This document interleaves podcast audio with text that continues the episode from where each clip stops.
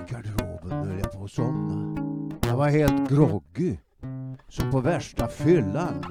Som de där dygnen i Johannesburg när jag drack whisky och allt möjligt annat så starkt som möjligt. Och Rhodes hade krossat Kryger och Lobengula och kultiverade engelsmän skämdes över sin store son. Och Long Cecil avfyrades i försvaret av spindlarnas hål med sina hårdaste av stenar. Och det var Kimberlit, eld och blod och jag sörjde. Vad hade hänt? Jag måste vila en stund. Borde jag inte kalla på löjtnant Aminov? Jag ligger här och tynar bort i en plötslig trötthet. Alexis, where are you? Vänta nu.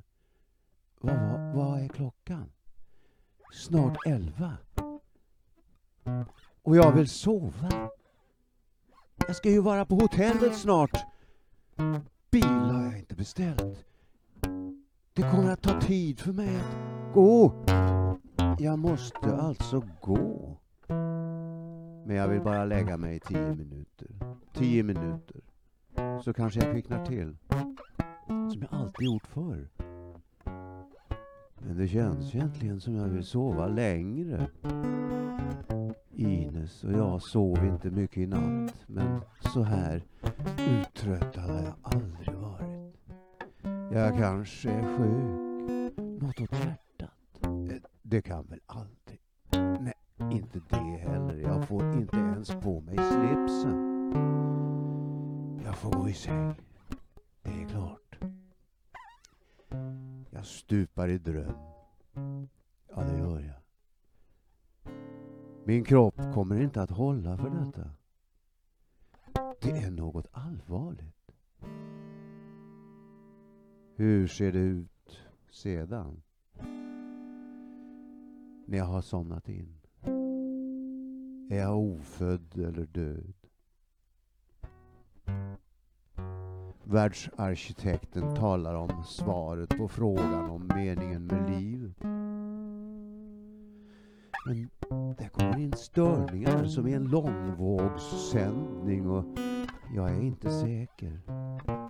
Men jag tycker det låter som om svaret är samvaro och kommunikation. Mycket gamla frågor som är det gamla som är det enkla. Jag får försöka komma upp om en liten stund. Här, här ligger jag och kan inte annat än... Och jag kan inte hålla mig vaken. Det går bara inte. Har jag inte en dålig smak i munnen också? Gamla frågor igen. Någon sorts uppstöt.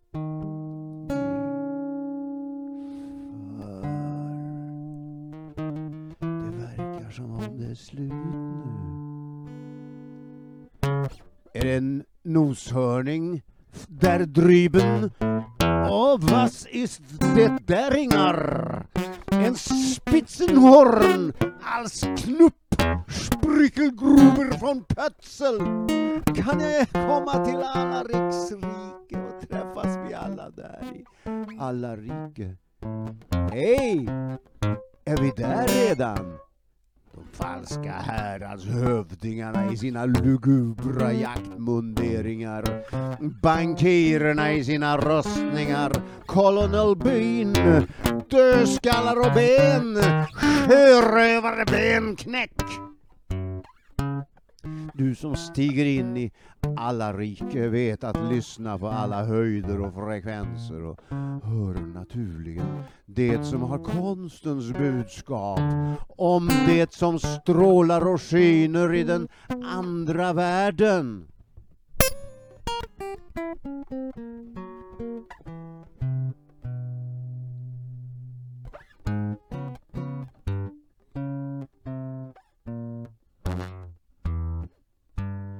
Det som Platon benämner godhetens ljus. Det sjunde planets ljus. Det absoluta ljuset. Det lyser obönhörligen och skiljer de goda handlingarna från de onda. Det ondas ljus är korta blixtar av explosioner Följd av mörkrets dumhet och glömska. Det onda är oftast passivt och latent. Det är det goda som är aktivt. Handlande och skiner kontinuerligt och lagom. Ah, vår planet på lagom avstånd från solen. Agape. Skiner det inte så min vän? Du som står där på andra sidan. Du som kikar fram bakom gardinen på Grand Palais, fjärde våningen. Är det du, doktor Mara? Falsk doktor du också? Erbjuder du mig din vattenkur för bevarandet av ungdom och skönhet eller kommer du med din förbannade tidskrift Lamid du? Va? Ah, vilken vän, folkets vän är du? Men vänta nu. Är det inte François Couture som har köpt den? Ja, varför vill han ta över en sådan dagstidning när den har så fasansfulla historiska dofter? Och för varför vill han, den olfaktoriske Napoleon, ha en sådan publikation som prisar den italienska fascismen på klingande franska? Han som alltid varit så entydigt för fred i Europa. Är det ditt välfärdsutskott som har fällt domen, Mara? Mörkrets utskott av oroliga andar i explosionernas intermittenta ljusblixtar. Ni som säger ett och gör ett helt annat. Vi som förlorar kriget. Vi har inget att hoppas på när det gäller historisk rättvisa. Vi som dör är lätta att placera i förlorarnas och idioternas register. Eller är det du, Gilgamesh, som vill tala med mig? Krygen Gito?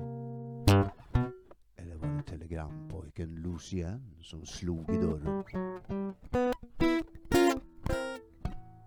Ja, ja, visst vill du tala med mig. Vi känner varann.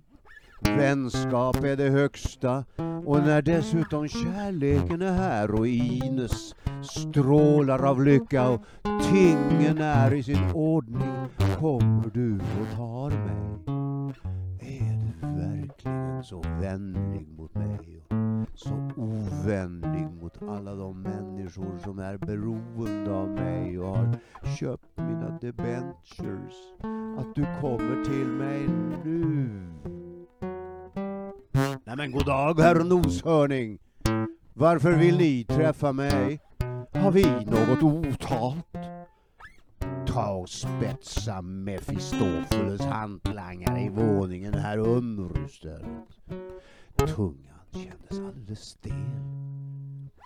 Det var nog telegrampojken Lucien med sina turkiska depescher som slog igen dörren. Jag försökte bara odla blommor och jag försökte binda upp de bräckliga stänglarna. Jag gjorde det i Karpaterna, i Pyrenéerna, Alperna, i Appalacherna, på bägge sidor av kölen och på Maremnan. Jag bad upp klängrosorna så att de inte föll ner över gatorna. De vita söderväggarna och de glödande rosorna. Solen varm ännu när den gick ner. Altair, dene på Vega.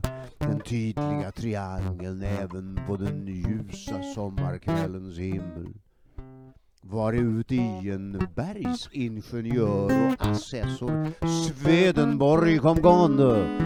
Jag Undrar om inte vi kunde ha glädje av en kopp kaffe? Ers bergsingenjör och yrkesbroder. Hur står det till? Jag är lika död som du snart är, tror jag han svarade. Och vi log förbindligt mot varandra. Kaffe, det är förbjudet det. Men sagolikt gott och uppiggande. Nu för tiden är det lika tillåtet som tobak och te och jag har monopol på alla sorterna i flera länder. Jaså, kaffet har blivit tillåtet? Och du har insett hur mycket guld det finns i Bolidenådern? Ja, jag kunde väl ge mig den lede på att det skulle finnas guld där. Ingenjörskollegan Polhem tittade fram bakom dörren till arbetsrummet och sa Tekniken, tekniken, ja visst, den går framåt. Man kan borra på otroliga djup. Bara man gör riktiga knutar på borraxlarna. Gruvorterna kan bli djupare och mer organiskt följa mineralådrorna. Man kan transportera kinetisk energi längre och längre bort. In i termodynamikens djupa framtid. Först kom Newton med sin torra teori. Sen kom jag med praktiken. Industrialismen är en historisk kraft. En omdanare i alla ledder och begrepp. Verklighetens muskler. Man gör sig själv hela tiden nya bilder av verkligheten. Ingenjörerna bygger nytt av konstnärernas och filosofernas visioner. Ibland är det både filosofer och konstnärer i samma skepnad. Och uppfinningarna transformeras till design av världen. Husen, drömmarna, tavlor och brovspann. Världen hänger en stund i en människas medvetande. Som en tavla eller en hägring.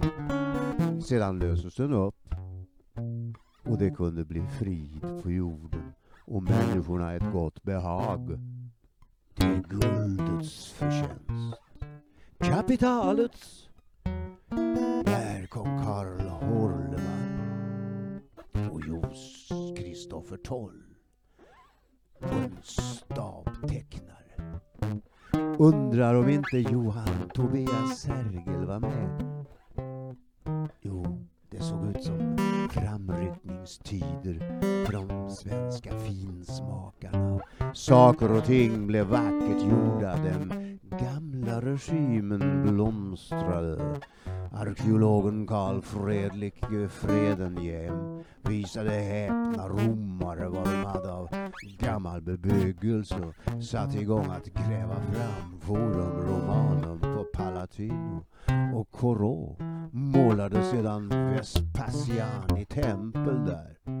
De svenska arkitekterna och vetenskapsmännen och politikerna var i formlig yra och reste omkring i den bildade världen. Men med mordet på von Fersen var glädjen slut. Det går i vågor det där och blomstrar och vissnar som perenna växter. Årstiderna och epokerna växlar. I mitt planetarium kunde jag få känslan av att vi gick in i en ny svensk renässans. Och jag blev upplyst. Särskilt när jag stod där med den timide Albert och den lika timida Greta och vi följde planeterna och stjärnhimlens långsamma rotation. Upplysning och insikt var mitt otium där jag red min kamel snabbare än någonsin en åsna. Astronomi är mycket mer spännande än astrologi. Blyghet istället för rädsla. frivillighet mer än frihet. Mars, Jupiter och Saturnus är dina planeter. Vad är det för spännande med dem? Det är ju du som är spännande. Styrd och driven av dessa planeters krafter. Du är fisk, Ivar. Född 18 minuter över fyra den 2 mars det heliga året 80. Vattentecknen i din astrologiska konstellation gör dig tydligt känslomässig. Du gör ingenting om du inte känner någon attraktion. Attraktion, den har du mycket av. Lust efter njutning. Jag känner och mitt hjärta styr mig mer än hjärnan. När hjärnan räknat på olika alternativ för vilken väg jag ska ta låter jag hjärtat falla detta beslutet. Du har aldrig sagt Säg inte ordmagi, astrologi och spelteori. Du vågar inte säga en, En du själv då? Det ser ut som om din jupiterska aspekt är kraftfull. Du är både Jupiter och Mars. Med Saturn i nervositet. Hur vet du detta? Li? Hermes Trismegistus? Penetrera själv. Låta det reflekteras i konsten. Viljan att förstå sig själv är frälsningen. I själva arbetet att försöka förstå sig själv har man nog utmaning för resten av livet. Aldrig tråkigt. Att känna fienden är nödvändigt men att känna sig själv är absolut nödvändigt. Du är ständigt nyfiken på dig själv och räddad till både njutning och medvetenhet. När du vill är du förmögen att fullfölja din vilja. Tror du vi möter honom här? Frälsaren själv, Ivar? Jodå, Emanuel, det tror jag det. Och där borta kan vi se författaren till det nya riket. Se, en primitiv schaman som biter den hand som föder honom. Sumatra cigarrer och motsättningar mellan det som är ande och det som är materia. Skillnaden mellan blyghet och rädsla. Dr Faust, han talade stockholmska. Men inte ens han analyserade känslor som man analyserar ett skyskrapeskelett. Han älskade mer skärgården med alla dess livsformer. Sverige mer än svenskarna. Örn och fink. Hök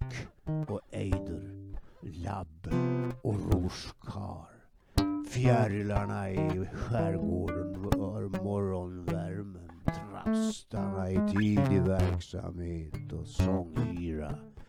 Kråka och skarv. En fladdermus i sommarskymningen. De där skarpskurna personerna som står där borta. Är inte det de holländska målarmästarna Röjstad, Stade? Van der Neer, van Goyen, Albert Kaup, van Leer, van Delen, eh, Bergenkamp, van der Pöl, P. van der Blut och Teniers den yngre.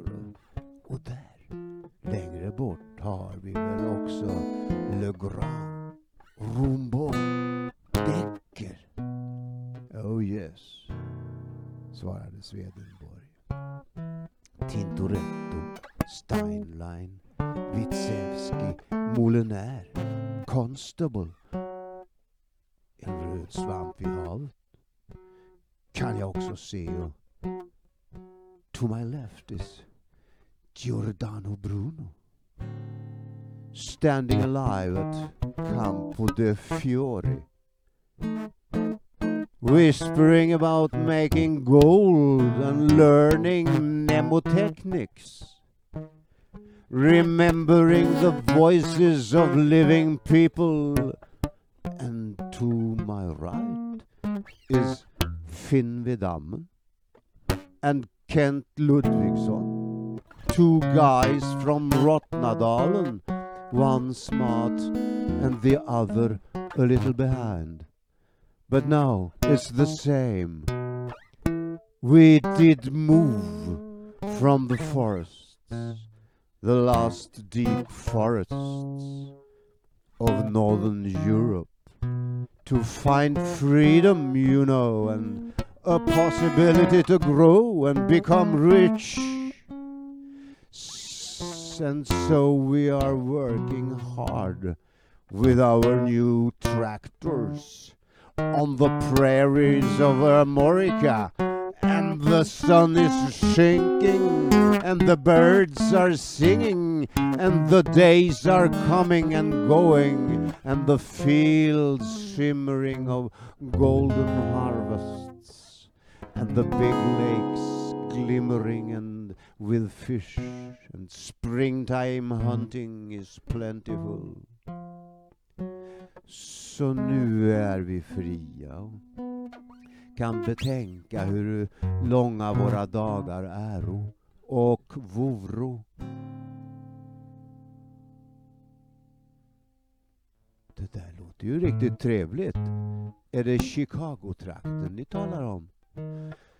Ja, och de västliga trakterna bortåt Seattle. Möjligt att leva ett eget liv på sitt eget land innanför sina inmutningar. Är det mina lagar som gäller och inte Washingtons? In paradise.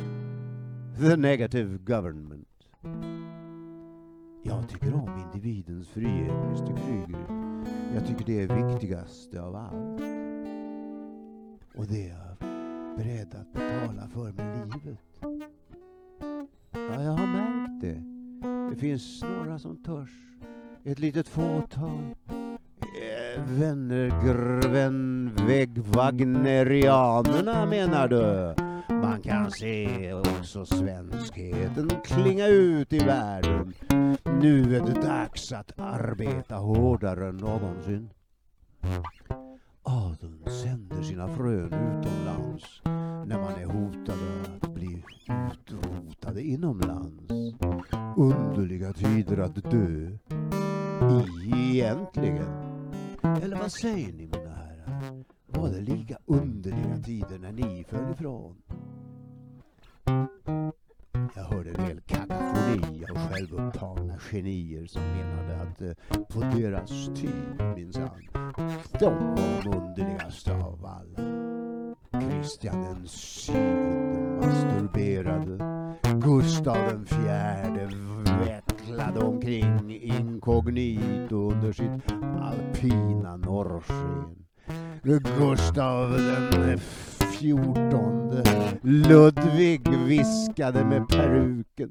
Kejsar Justianus skröt väldeliga med sin bysantinska tid. Och jag hörde några heraklitiska hostningar. Låt mig höra, o mästare. Låt mig få höra några ord ur med er egen stämma. Det enda jag hittills har hört av er stämma är blott ekon och klanger i edra fienders motargument mot er världsbild. Den dunkle från Efesos stod med hedersstaven och pergamentrullen och det blixtrade från hans ögon av seende och hans ord ekade mellan de kala bergen. De första skall bli de sista att stiga ner i samma flod. Där höjde Lysippos sin möjsel och skulpterade mig som en herre en härm att ställas vid sidan av den slingrande vägen mot Olympen. Men jag vacklar som en halvklädd gigolo. Fan, därvid i djupaste äckel liknar en megaloman major Ahlström. En representant för de ryggradslösa. Nu faller jag slapp i min säng och känner doften av nattens gärningar och glädjeämnen. Är jag svag eller stark?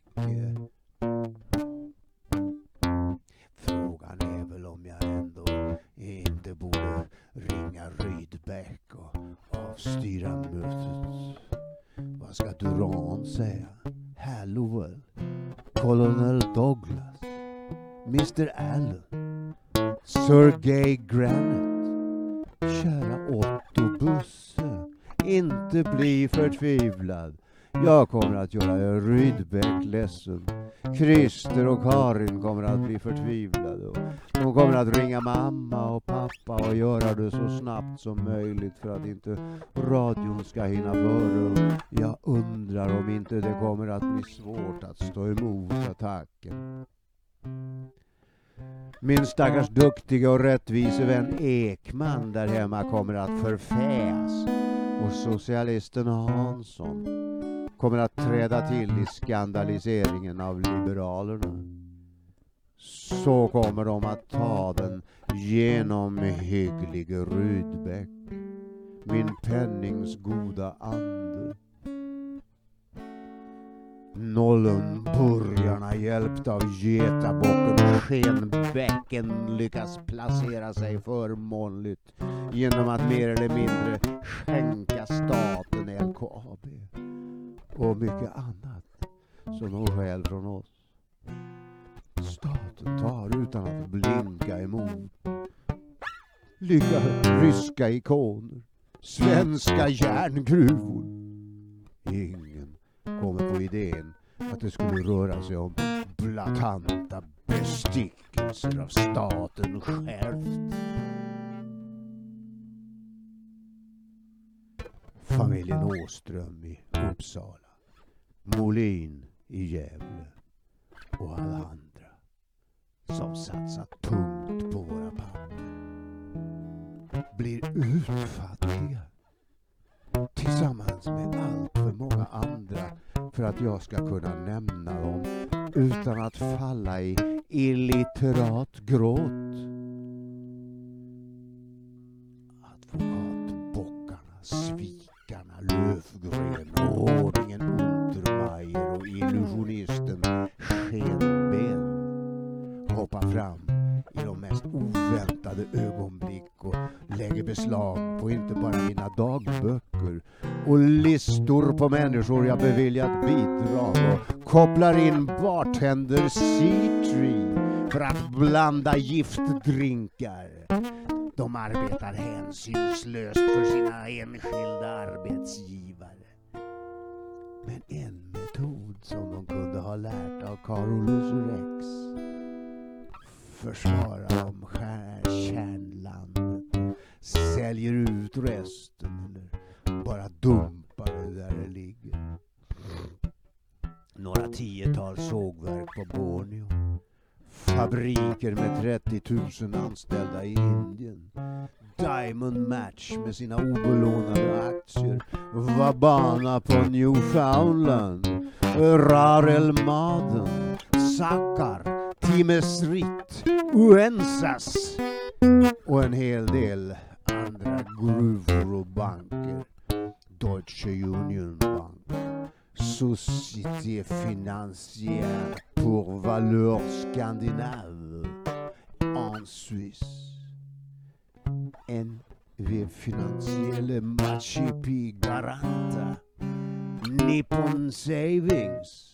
Poseidon-monopol i sikte och goda avtal med Nippon Kokan KK. Timken, majoriteten av de schweiziska järnvägsbolagen, Bukowskis auktionsverk, kvarteret Kvasten och Röda Kvarn. Spridda kategorier och vida perspektiv. Otaliga andra omständigheter av obekvämlighet skulle bli följden av bockadansen och jag själv skulle få sitta som en syndabock och bara titta på. När JP's pool med baksidan av kon Löv och kompani First National Bank Guarantee Trust Company Bankers Trust Company Central Hanover Bank and Trust Company and Manhattan Trust Company dansade långdans med Daniel Dreyfus kring sammanbrottet för den fredliga världens idé. Jag säger baksidan. Alla företag har en framsida och så har de en baksida av anställda som vantrivs och vill illa. Av bittra hämnare och otillfredsställda människor. Som varje nation har dessa två sidor har också företag varje företag med själ har en sådan klyvnad. Och det finns också onda andar. Man kan ju alltid undra varifrån de onda andarna väller upp. Men upp väller de.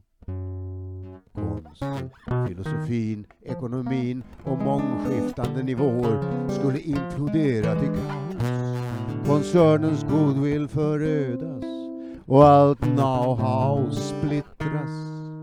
Det var som om Mills elektromagnetiska tänkande kunde ge förklaring. Milles de Broglie, Flammarion. Världen pulserar mellan forn och kaos, mellan form och ordning. Här och var en levande verkstans gnista. Förbindelser etablerade som trotsade förnuftet och som med radiovågor och materievågor som modell tänkte sig Carl Milles telepatisk kontakt och varsel och kunde ge konkreta exempel. Han berättade på sitt vackra målande språk att han en dag fick en ingivelse att köpa en för honom totalt ointressant bok i en parisisk boklåda. Och när han kom hem med boken låg ett brev där hemma från fästmön in spe där svågerns önskemål om att bekomma just denna bok förelåg. Vi kände varandra mycket väl efter alla år och jag visste hur realistisk Milles var. Om någon stod han med bägge fötterna på jorden. När Milles kunde svära på att han inte gjorde några förbättringar av den historien trodde jag på honom och hans ord. Berättade han verkligen det här innan jag for? Eller har jag gått och blivit anakronistisk själv? Och färdats allt för långt fram i tiden? Jag minns det hur klart och tydligt som helst. Paris brusade och sorlade. Tidningsförsäljarna ropade. Han handlade automatiskt. Böjde sig ner i en boklåda vid Sänens kaj. Och köpte en bok som han inte ville ha. Det gällde en för honom tråkig teknikbok. Till sin egen förvåning kunde han sedan göra sig populär hos svågern och skicka boken med vändande post. Milles var lika säker på att det fanns något man inte kunde förklara i detta som Lindberg var säker på att flygplanen i en snar framtid eh, skulle drivas av reaktionsdrift och uppnå ljudets hastighet. Jag tänkte på den svåra konsten att göra affärer i rätt ögonblick. Det gällde att våga vänta ut ormen och att veta när hugget kom. När man lärt sig det var det lätt att parera kobrans attacker. Lika lätt som för mungon som bara lugnt väntade ut den. I full förtröstan om att vara reaktionssnabb nog. Jag såg det själv under det att Smålands jaktlag förföljde de stackars elefanterna. Det var rena barnleken att se när och var hugget skulle komma. Börsens sifferindex stiger och sjunker som en orm ringlar sig och hugger som i en parallell och rent av högre ekonomisk verklighet kan man undvika att dras med i stormen av konjunktursvävningar när ormen kastar sig. I sin egen föreställningsvärld är den rationell och planerande där den i själva verket är blind och girig och slukar allt snabbt. Ibland är det en noshörning, är det inte det? börsernas och auktionsverkens handelsproletariat som likt boskapsköpare och säljare viftar fingrar och skriker och arbetar med att omsätta andras arbete. Arbetarnas och cowboyarnas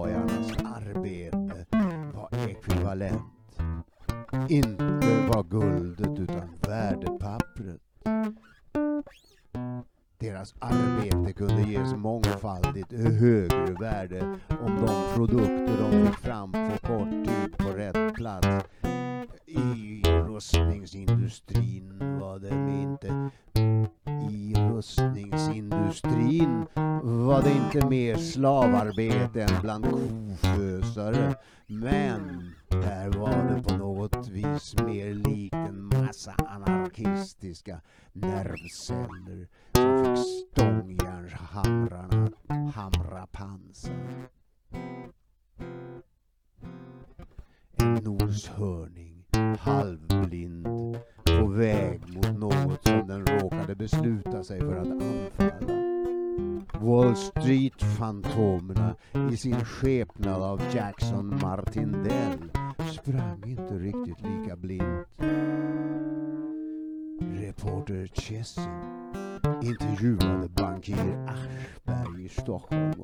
Telegraferade till redaktionerna hemma i Paris att man i Ruscombank hade hört rykten om mitt förestående självmord.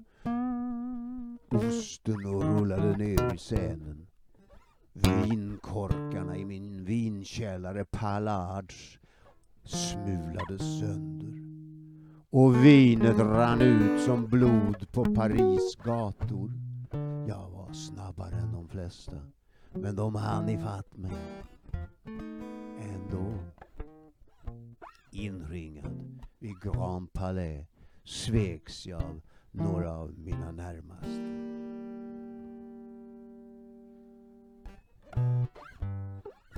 Jag sa det när Småland skravlade om den svenska ädelheten redan i Bombay.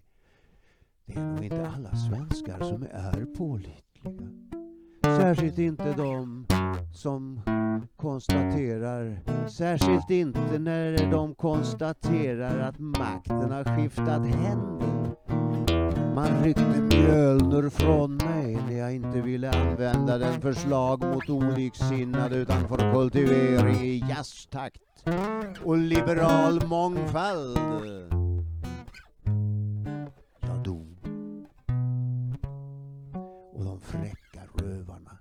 Påstod att jag var så idiotisk att jag sköt mig i hjärtat med en Browning 9 mm med sin trånga och obekväma bygel. Det är nästan det mest outhärdliga av allt. Att inse hur dumma svenskar och amerikaner kan bli. Bara de vill. De låter sig, om så behövs, inbilla i stort sett vad som helst. Att jag, en självmördare, skjuter mig i hjärtat med en pistol vars ammunitionskraft dessutom varierar som aprilvädret. 9 mm patronerna var ibland krutfuktiga och hade knappt styrfart. De försöker att få det till att en sådan självmördare hatar sig själv så intensivt att han utsätter sig för risken att dö en långsam, plågsam död med en partiellt söndertrasad hjärtmuskel. Hur kan man få oss att svälja en sådan sanning utan att alla de som kände mig lyckades få någonting sagt? Det var ju trots allt rätt många som sett mig skjuta. Där fanns åtskilliga som jag hade dryftat skottskador med och svårigheterna att komma mellan revbenen i rätt vinkel in mot hjärtat med ett pistolskott. Skjuter man sig med pistol gör man det i huvudet. Men Efter min död var magin bruten och svensktrosten vissnade och föll samman som en jättenekros. Sven Hampus Hult häktades den 17 april 1932 och dömdes till fängelse och skadestånd på 337 miljoner Anton Wendler och Karl Lange knäckte man med falska anklagelser och juridisk grillning.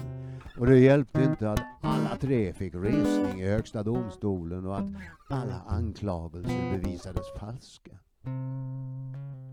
Erik Sjöström reste sig aldrig mer efter attacken och försvann till sitt gods i Skåne och hittades, hindrades att berätta vad han visste av de italienska affärerna.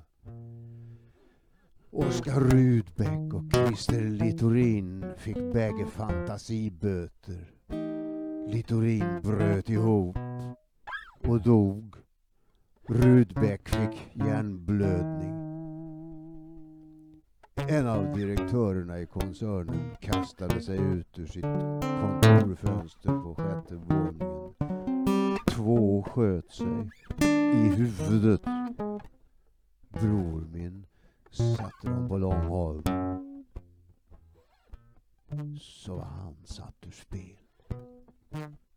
Jag vet inte hur många av mina nära och kära som sjönk samman dessa vårdagar 1932. Elie Löfgren och Sven Lybeck T. och vände likt Torsten Nothin Julin Danfelt och många av andra av de andra av mina förtrogna. Något annat var kanske inte att vänta. Man tvingade sig bita i destruktivisternas sura äpple. Det var bistert. Och Per Jakobsson kunde inte annat än ge Nollenburgarna sitt stöd. De levde ju, men jag var död. Gamla familjer ruinerades på våra papper. Ännu fler unga optimistiska familjer förlorade allt. Det var en isande kall vår. Jag visste det kanske. Och jag visste det samtidigt inte.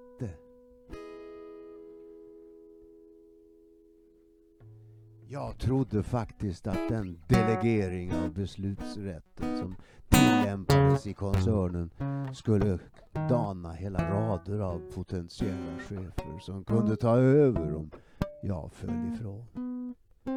Men det gick för fort för dem. Den kungliga kommissionen var upprättad redan innan jag stupade. Fienderna la beslag på mina mappar i mina djupaste och mest primitiva privata kassavalv. Där jag hade de mer detaljerade uppställningarna av hur linjerna i koncernen gick. Styrelsen i Kryger och Toll hade inte haft några problem att läsa sig in där. Jag hade gjort ekonomiska ritningar, tabeller och grafik som var mycket lättförståeliga. Men något hieroglyfiska till sin utformning. Men de vassa planläggarna hann lägga beslag på det viktigaste innan någon hann reagera. Den djupt bildade Morgan satt under tiden bekvämt tillbakalutad i länsstolen i sitt bibliotek och läste helgonuppenbarelserna. Mm, visst liknade han på ett förbluffande sätt Mefistofel trots att han var jesuit. Med stenbågskenben satt i min fåtölj i min vinkällare liknade han mest en pudel.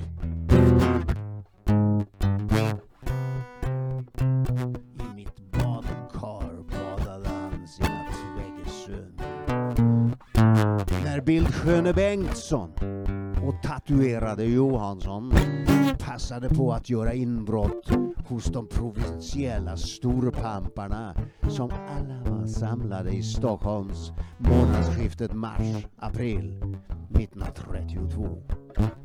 Skräckslagen bevakade sina intressen.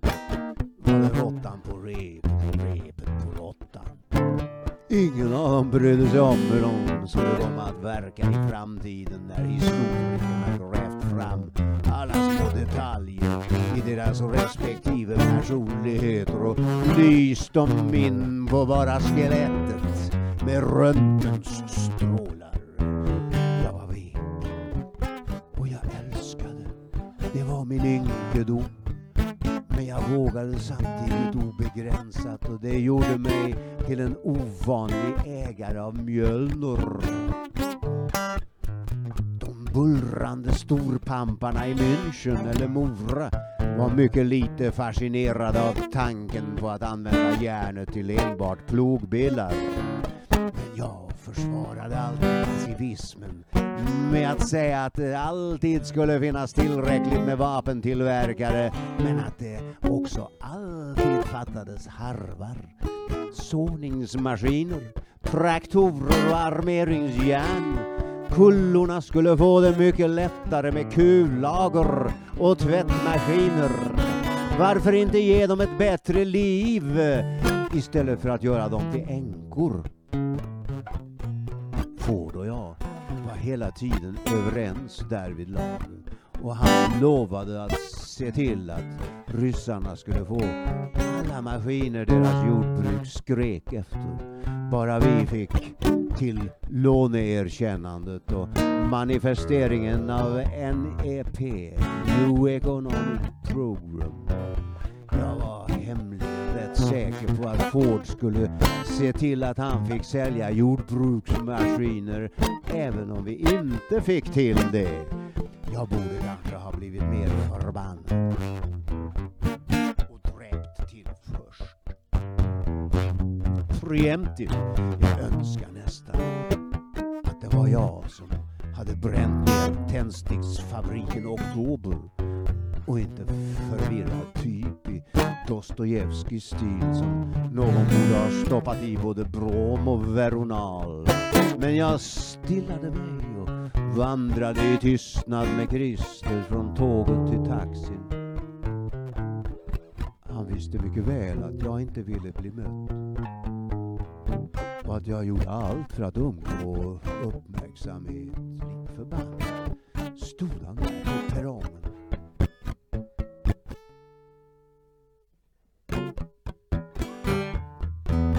såg oss. Han var lätt att känna igen. Ett sådant intensivt anlete var svårt att hålla dolt. Han förstod nog inte alls situationen. Annat än att han var storligen bekymrad för mitt väl och ve. Jag försökte lugna ner honom och de andra och be dem ta det lugnt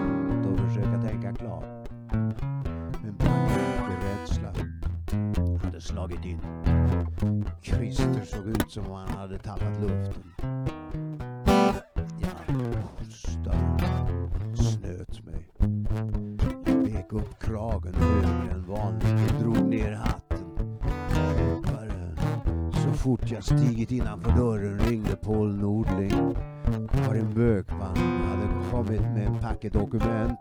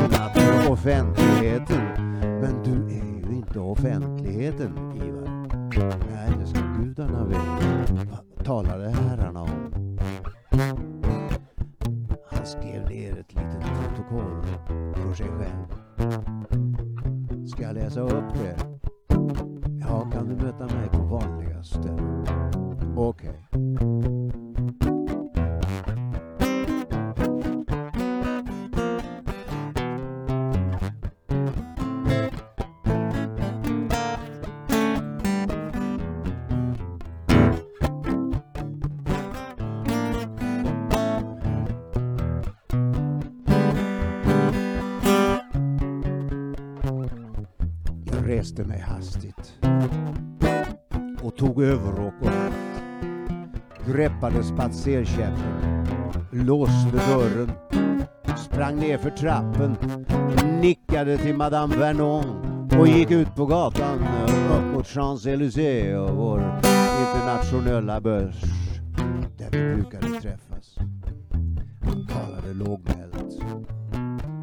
Med nervösa ögonkast omkring sig.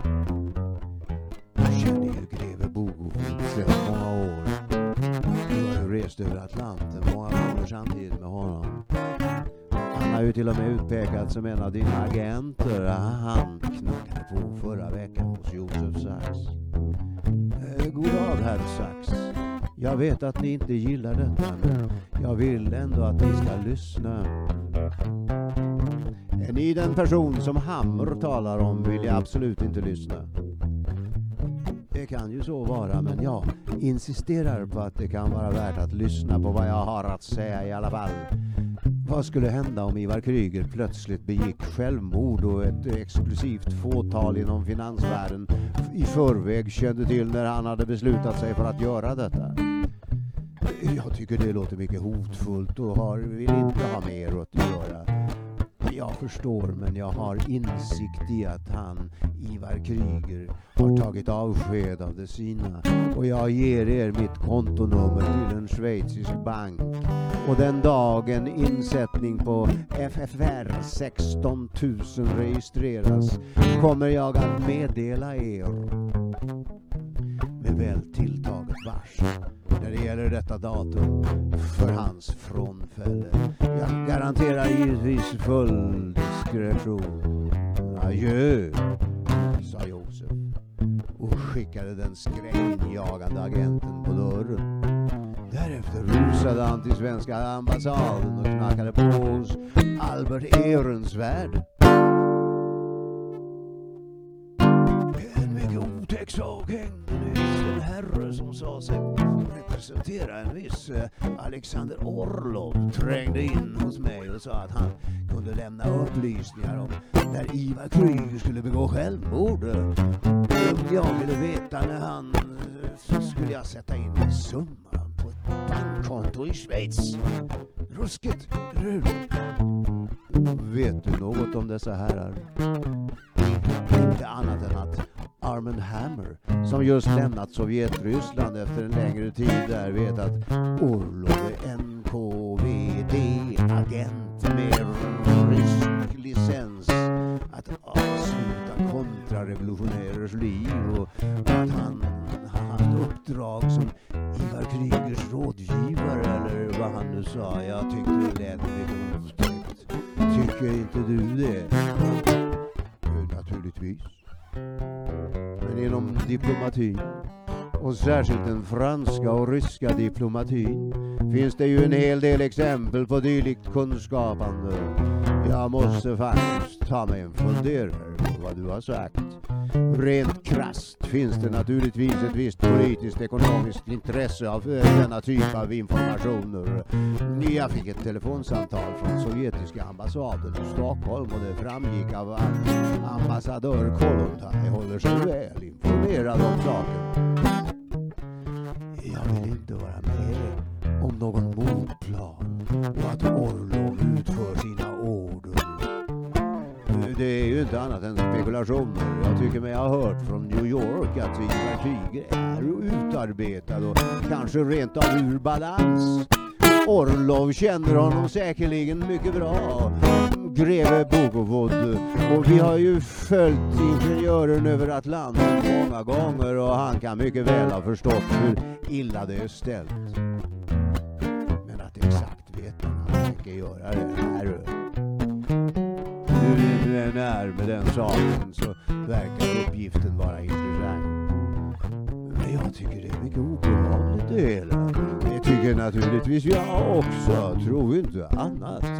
Har du något brev eller något sådant? Ja, jag fick ett kuvert av den där lugubre figuren. Varsågod, jag har inte öppnat det. Här tar stenografin slut. Var detta sa du? Förra veckan. Men jag har inte fått tag i dig förr. Och du har inte sett kuvertet? Nej. Ministern försvann med det och sen dess har det varit väldigt spring på ambassaden inom en och samma timme. Anmälde sig underhuggare till Grusenberg och Hammer. Har du sett Karins papper då? Nej hoppades visserligen att Aristideans begravning skulle bli en manifestation för fredens sak denna lördag. Detta var ju verkligen oroande. Jag förstod med ens varför svågrarna tafatt förbjudit mig att skicka telegram från Ile-de-France.